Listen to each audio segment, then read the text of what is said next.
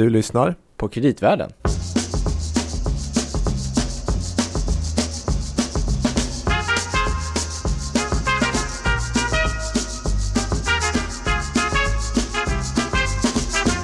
Nu känner man igen sig Louis. Härligt, den där signaturen, det var ett tag sedan. Ja, vi har ju faktiskt en del lyssnare som uttryckligen har saknat vår vanliga signatur. Ja, den är ganska bra faktiskt. Mm.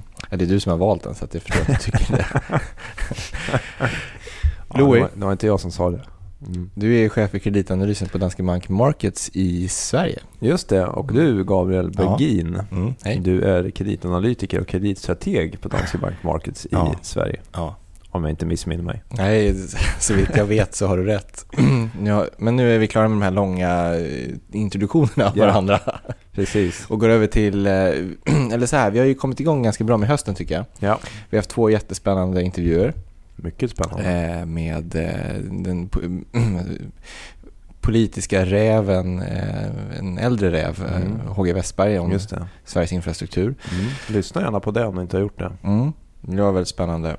Eh, och eh, även Günther Mårder. Mm. Han hade mycket idéer om vår marknad bland annat. Och även andra. Det var någon som tyckte att han borde bli ny näringsminister. Ja, det var någon som skrev det precis efter avsnittet. Ja, vem vet. Eh, det är så, det är här de avslöjas första gången mm. i kreditvärlden. Då, hör, då hörde ni det här först. Mm. Nej, men eh, så vi tänkte att vi går lite grann tillbaka till vårt eget, egen domän. Precis, eh, och eh, fastighetsbranschen som vi tycker är väldigt spännande på många vis. Mm. Den har ju stor betydelse både för ekonomin i stort mm.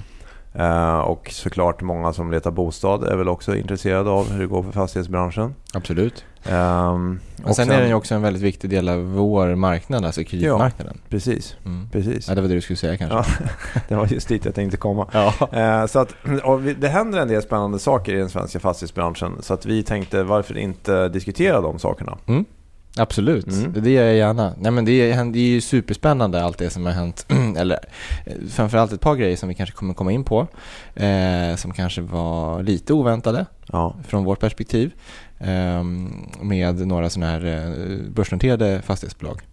Men sen så äh, finns det väl en del trender och sådär generellt som också är intressant att titta på va? Sen är det ju intressant just att det här eh, i fastighetsbranschen kan man ju ofta se den här skärningspunkten mellan aktiemarknaden och eh, kreditmarknaden. Mm. Och inte minst när man tittar på till exempel preferensaktier och priset på dem. Mm. Så vi tänkte återkomma lite till det, bland annat som ett deltema. Men vi kan ju börja med bara att summera lite kort alla de här rapporterna som har kommit från fastighets, de svenska fastighetsbolagen. Just det. Hur ser det ut liksom?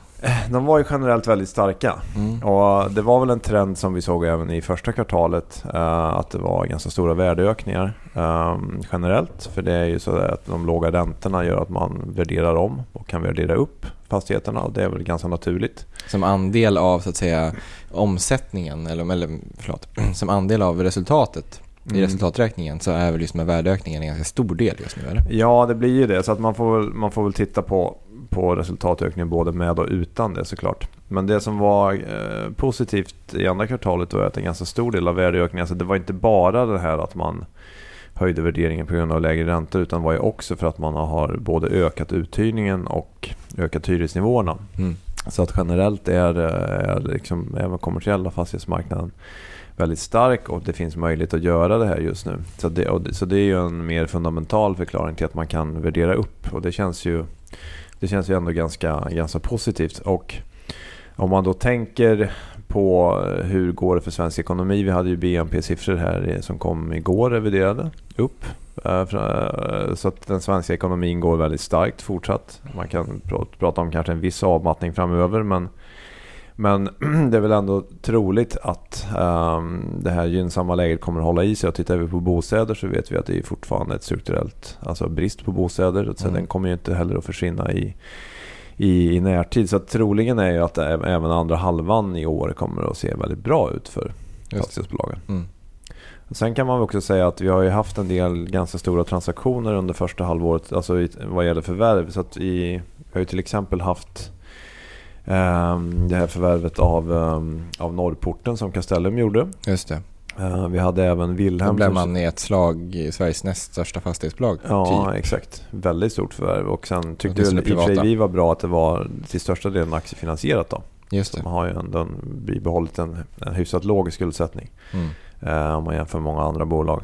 Eh, vi hade även Wilhelm som köpte en del lägenheter i vissa orter av Akelius. Uh, och även flera andra transaktioner, typ Victoria Park som köpte bland annat Malmö och mm. Karlskrona. Mm.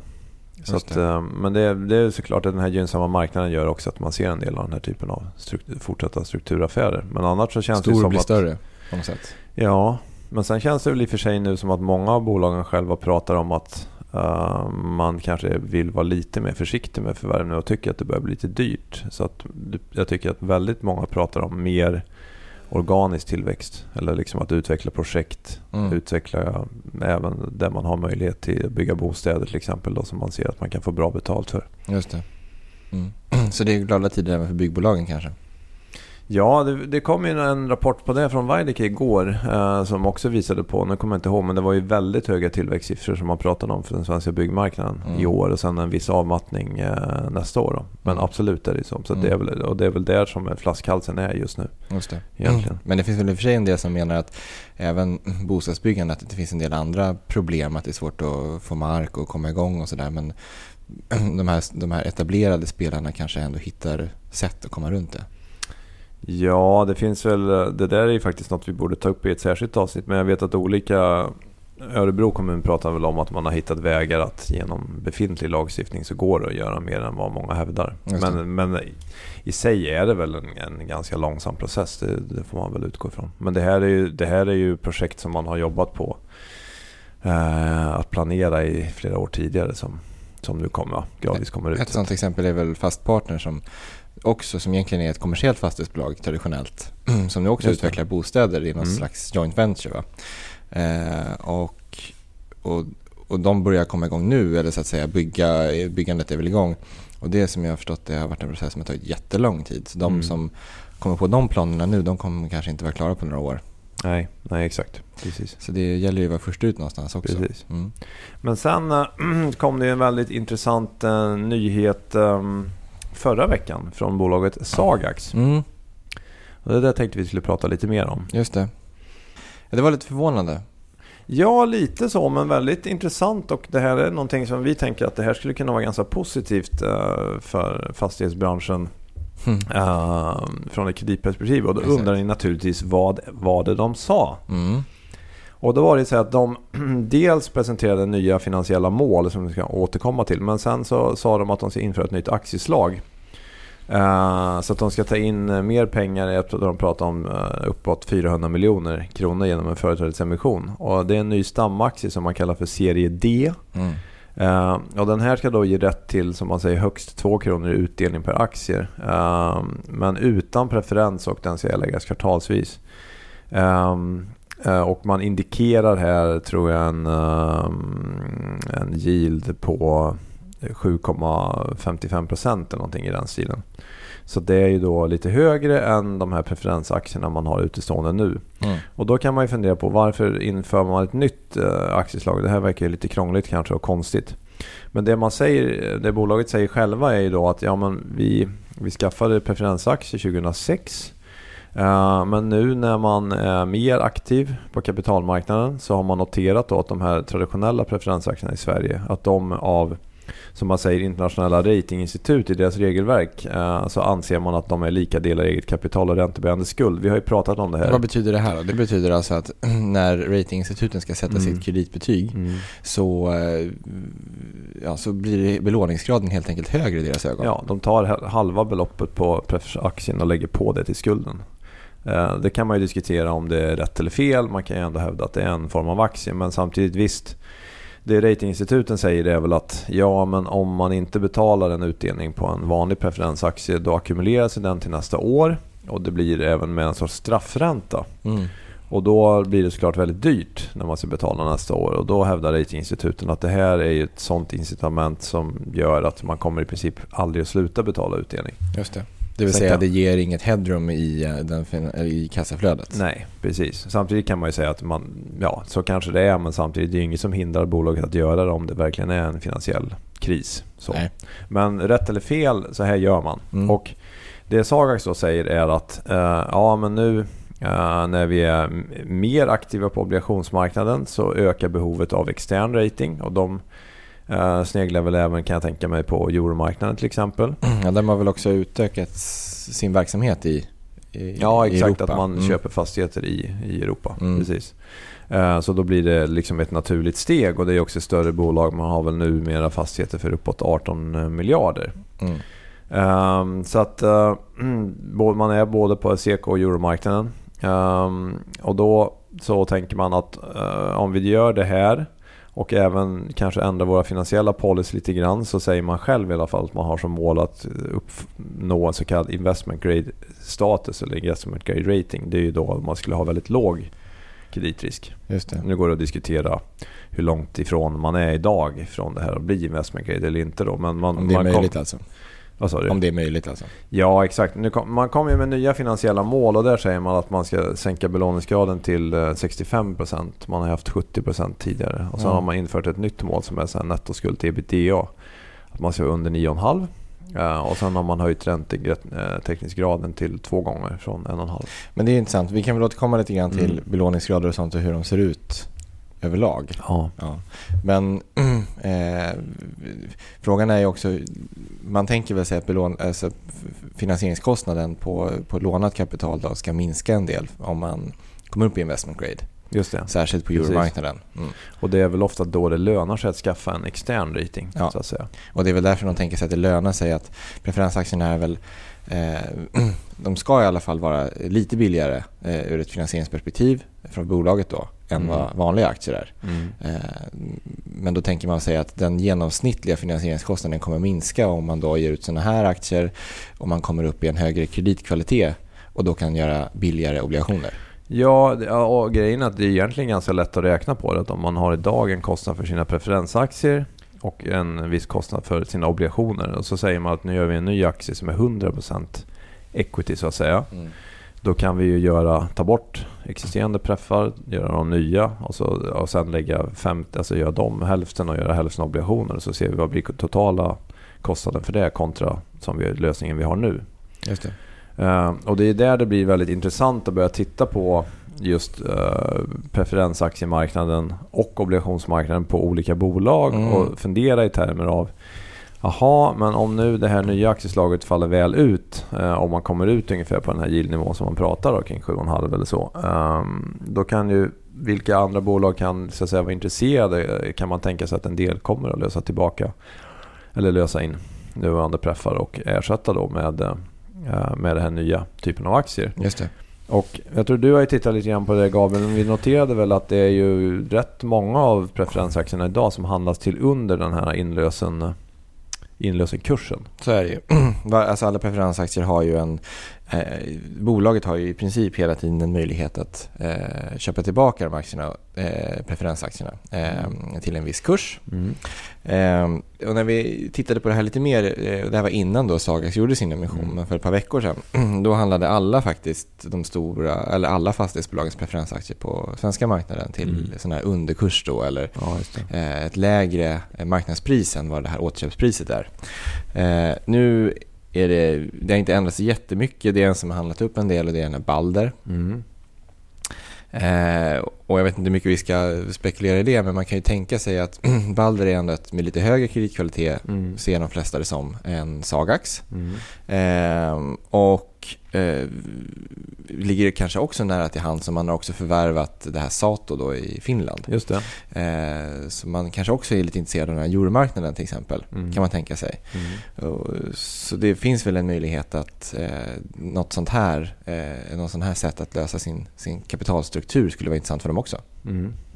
Det är Ja, väl inte en ovild alltså, gissning liksom. Nej, men absolut. Och vi ska väl också säga att vi ger ju inga investeringsrekommendationer direkt säger i den här podcasten. Nej. Men om vi resonerar mer i allmänna termer så personligen så kan jag ju tänka mig att flera av de större fastighetsbolagen ändå Alltså vi vet att till exempel Akelius har ju en rating idag. Mm. Så det är klart att de kan vara intresserade av att se på någon, alla lösningar som kan förbättra deras nyckeltal ur ett ratingperspektiv såklart. Mm. För det, kan, det, det ger ju lägre finansieringskostnader.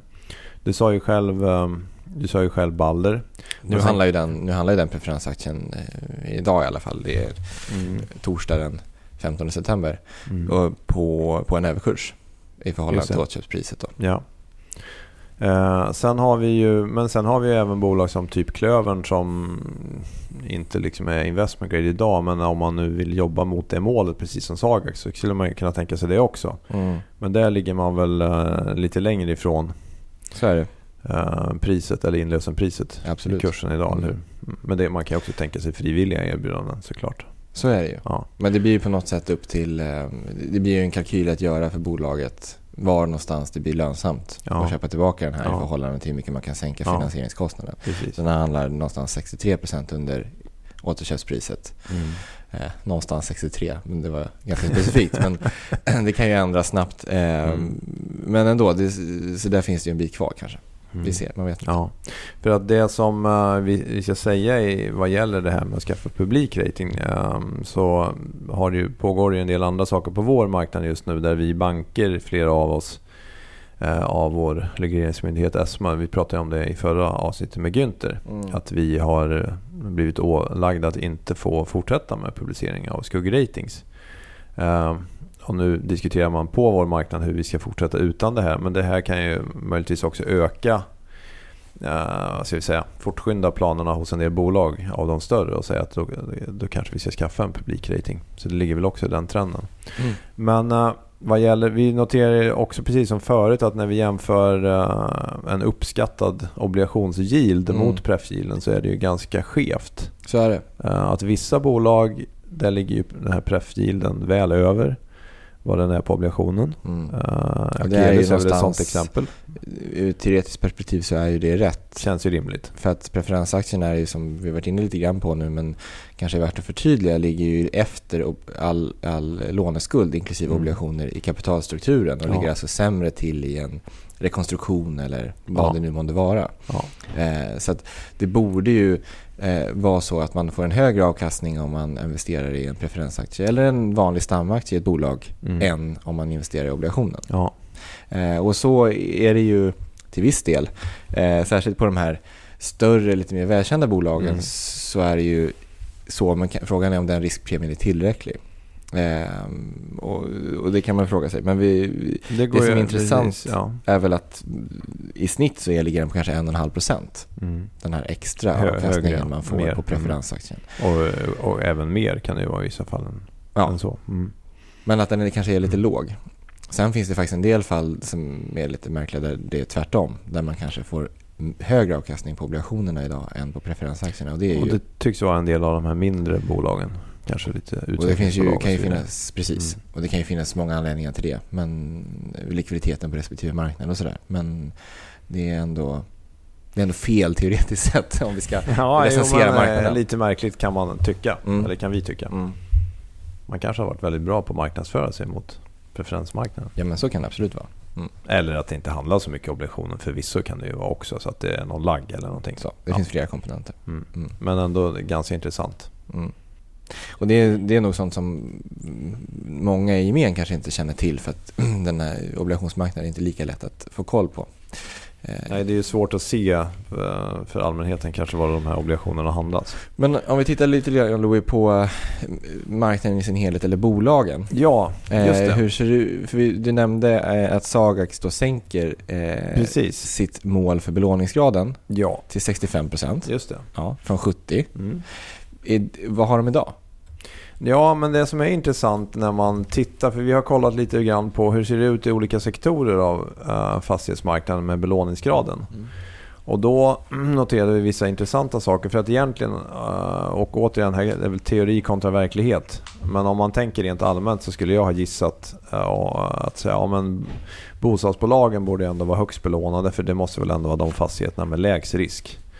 Eh, Och logistik borde väl vara lägst belånade för de har väl högst risk eh, om man förenklar väldigt mycket då. Cykliskt och så här. Men när man tittar på hur det ser ut så är det faktiskt precis tvärtom. Så att eh, om vi, om vi tar... Ja visst är det märkligt. Ja. Ja. Jag blir lite förvånad själv, men om man tittar i det segmentet, bostadssegmentet, då, är, då ligger genomsnitten på kanske lite över 50%. Nu kan man diskutera, ja, det här är belåningsgrad. Sen kan man diskutera, är det högt eller lågt? För att i internationell jämförelse så är väl det kanske fortfarande ganska högt faktiskt. Mm. Det ska man väl tänka på att svenska fastighetsbolag är ju generellt mycket högre belånade än många europeiska faktiskt. Det. Uh, och det finns väl olika orsaker till det också. Uh, om vi har en kultur att ta mer risk eller att man är mer bekväm eller att man har varit med på bankmarknaden och där kan man kanske ha en högre belåningsgrad än de som har mer kapitalmarknadsfinansiering och så vidare. Mm. Uh, sen om man ser kommersiella segmentet generellt, ja det varierar det väl ganska mycket men eh, av de listade bolagen så ligger man väl kanske uppåt 55-60 i alla fall eh, av de här lite större, typ eh, Fastpartner och Klövern kanske ligger även lite över det. Men vi har ju även Wihlborgs och, Fabege och sådär. Eh, Kungsleden. Tittar man då i logistiksegmentet så ligger man snarare i spannet 60 till, 60 till 70 faktiskt. Um, och där, så där har vi ju Sagax, så de kan man väl säga ligger lite väl i sitt spann inom sin delbransch så att säga. Ja, men de, för de ligger väl under sitt mål idag? Ja, men som sagt, eh, så ja, så, och så säger man nu att man ska ligga på 65. Just det. Eh, precis. Mm. Sen har vi ju förvisso... Men det är väl med att man kappar sin eventuella... Ja, exakt. Mm. Precis. precis. Um, och det är väl också i vissa fall ganska naturligt att har man växt mycket tidigare så tycker man att nu ska vi växa lite långsammare. Ja men då kanske man inte behöver ha samma headroom så att säga utan man kan vara helt okej okay och ligga i ett lägre spann. Mm. Om man sen därtill lägger bolag som inte är börsnoterade men om vi har AP-fondsägda bolag och sådär och där har vi vissa som har ratings också som är väldigt höga. Mm. Um, Rikshem har vi ju till exempel och Hemsö. uh, de ligger faktiskt, just de bolagen ligger nästan uppåt 70% mm. i belåningsgrad så det är också ganska intressant faktiskt. Uh, men det där, i den gruppen är det ganska stor spridning för då har även Akademiska Hus och de är även neråt 50. Nej, jag tänkte säga det finns liksom ingen enkel sanning men det stämmer väl mer överens med din så att säga, din, ditt teoribygge. Att man kan ta lite mer finansiell risk om man har en lägre risk i sin fastighetsportfölj, eventuellt. Ja, just det. Precis. Mm. Så kan man väl säga. Mm. Sen kan man väl diskutera hur um, ja, är den nivån. nivån rimlig kontra en A-rating. Men det, ja, det är kanske en separat uh, fråga. vi ska spara våra, bespara våra lyssnare. Vi sparar den, ja precis. Gabriel, du har hört den diskussionen. Ja. Um, men um, det som är intressant då, om man tittar på alla de här bolagen så är det ju faktiskt flera andra bolag som har gjort liknande saker som Sagax. Det här med att man har justerat liksom sänkt sin eh, belåningsgrad framåt. Och det är, Kungsleden har gjort en liknande grej. Pratar jag om att nu, de nu ska jobba mot 55% Vi hade ju Victoria Park som också sänkte sin, eh, sin måltarget. Eh, det var väl förvisso förra året. Och Klövern har väl också justerat sitt soliditetsmål uppåt. Så det känns ju ändå som att det är kanske ingen snabb trend men att det ändå är en, en, en viss trend och då börjar jag fundera på om det beror på precis samma sak som Sagax säger. Att vi vet ju att bolagen, många av dem, är mer aktiva på kapitalmarknaden och att man mm. kanske tänker i termer av att vi ska uppnå någon form av mer långsiktig stabilitet och då kan det här med att man liksom strävar mot någon sorts investment grade och sänker sin finansiella risk ändå är någonting som jag tror man tilltalas av. Sen så är det klart att Gör man det för snabbt, ja då det drabbar det liksom avkastningen för aktieägarna och eh, då kanske man inte riktigt är beredd att göra det egentligen. Men om man nu ser att marknaden är rätt stark så kanske man ändå kan sätta av en del pengar till det. Jag tänkte precis säga, finns det någon komponent i, oftast när man lyssnar på fastighetsbolags vd och andra representanter för branschen prata så är alla fortfarande väldigt optimistiska, lite grann som du pratade om i början. Mm. Att det, marknaden ser bra ut och intäkterna prognostiseras växa Mm. Men finns det no kan det finnas någon komponent i det här att man vill minska sin belåningsgrad, att man börjar se en topp?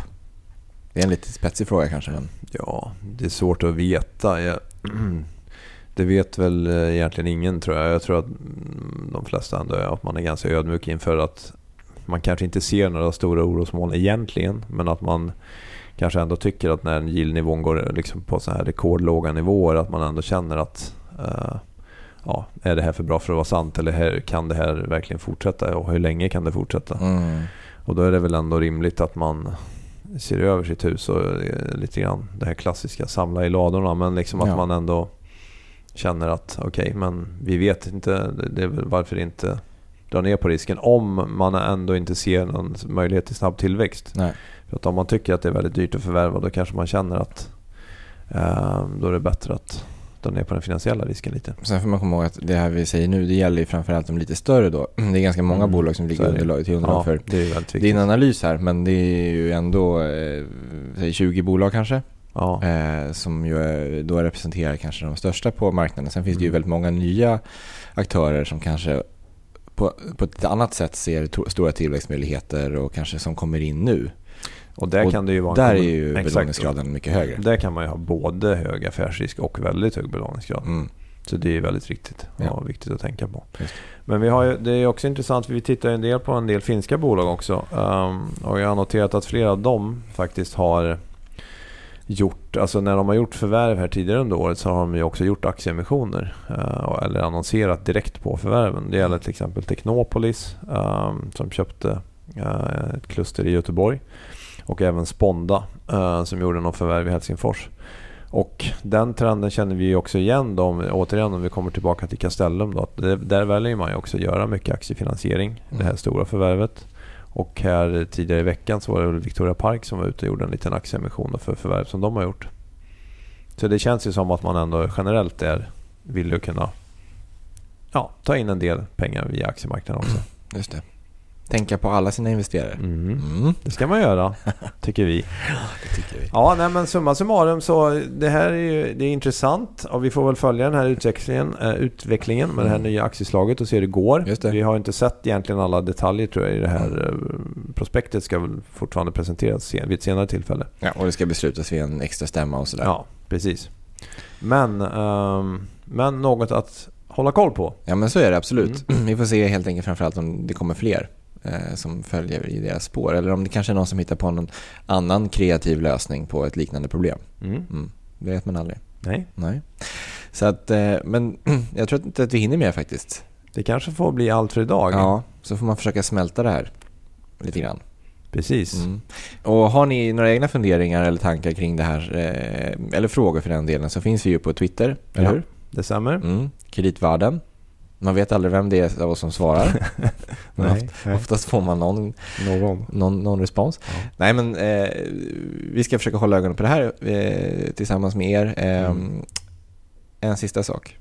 En sista sak? Mm. Eller du kanske också har någon? Nej. Men jag tänkte bara säga att vi finns på iTunes kan man gå in och Jaha, skriva en kommentar. Ja, det tycker jag också.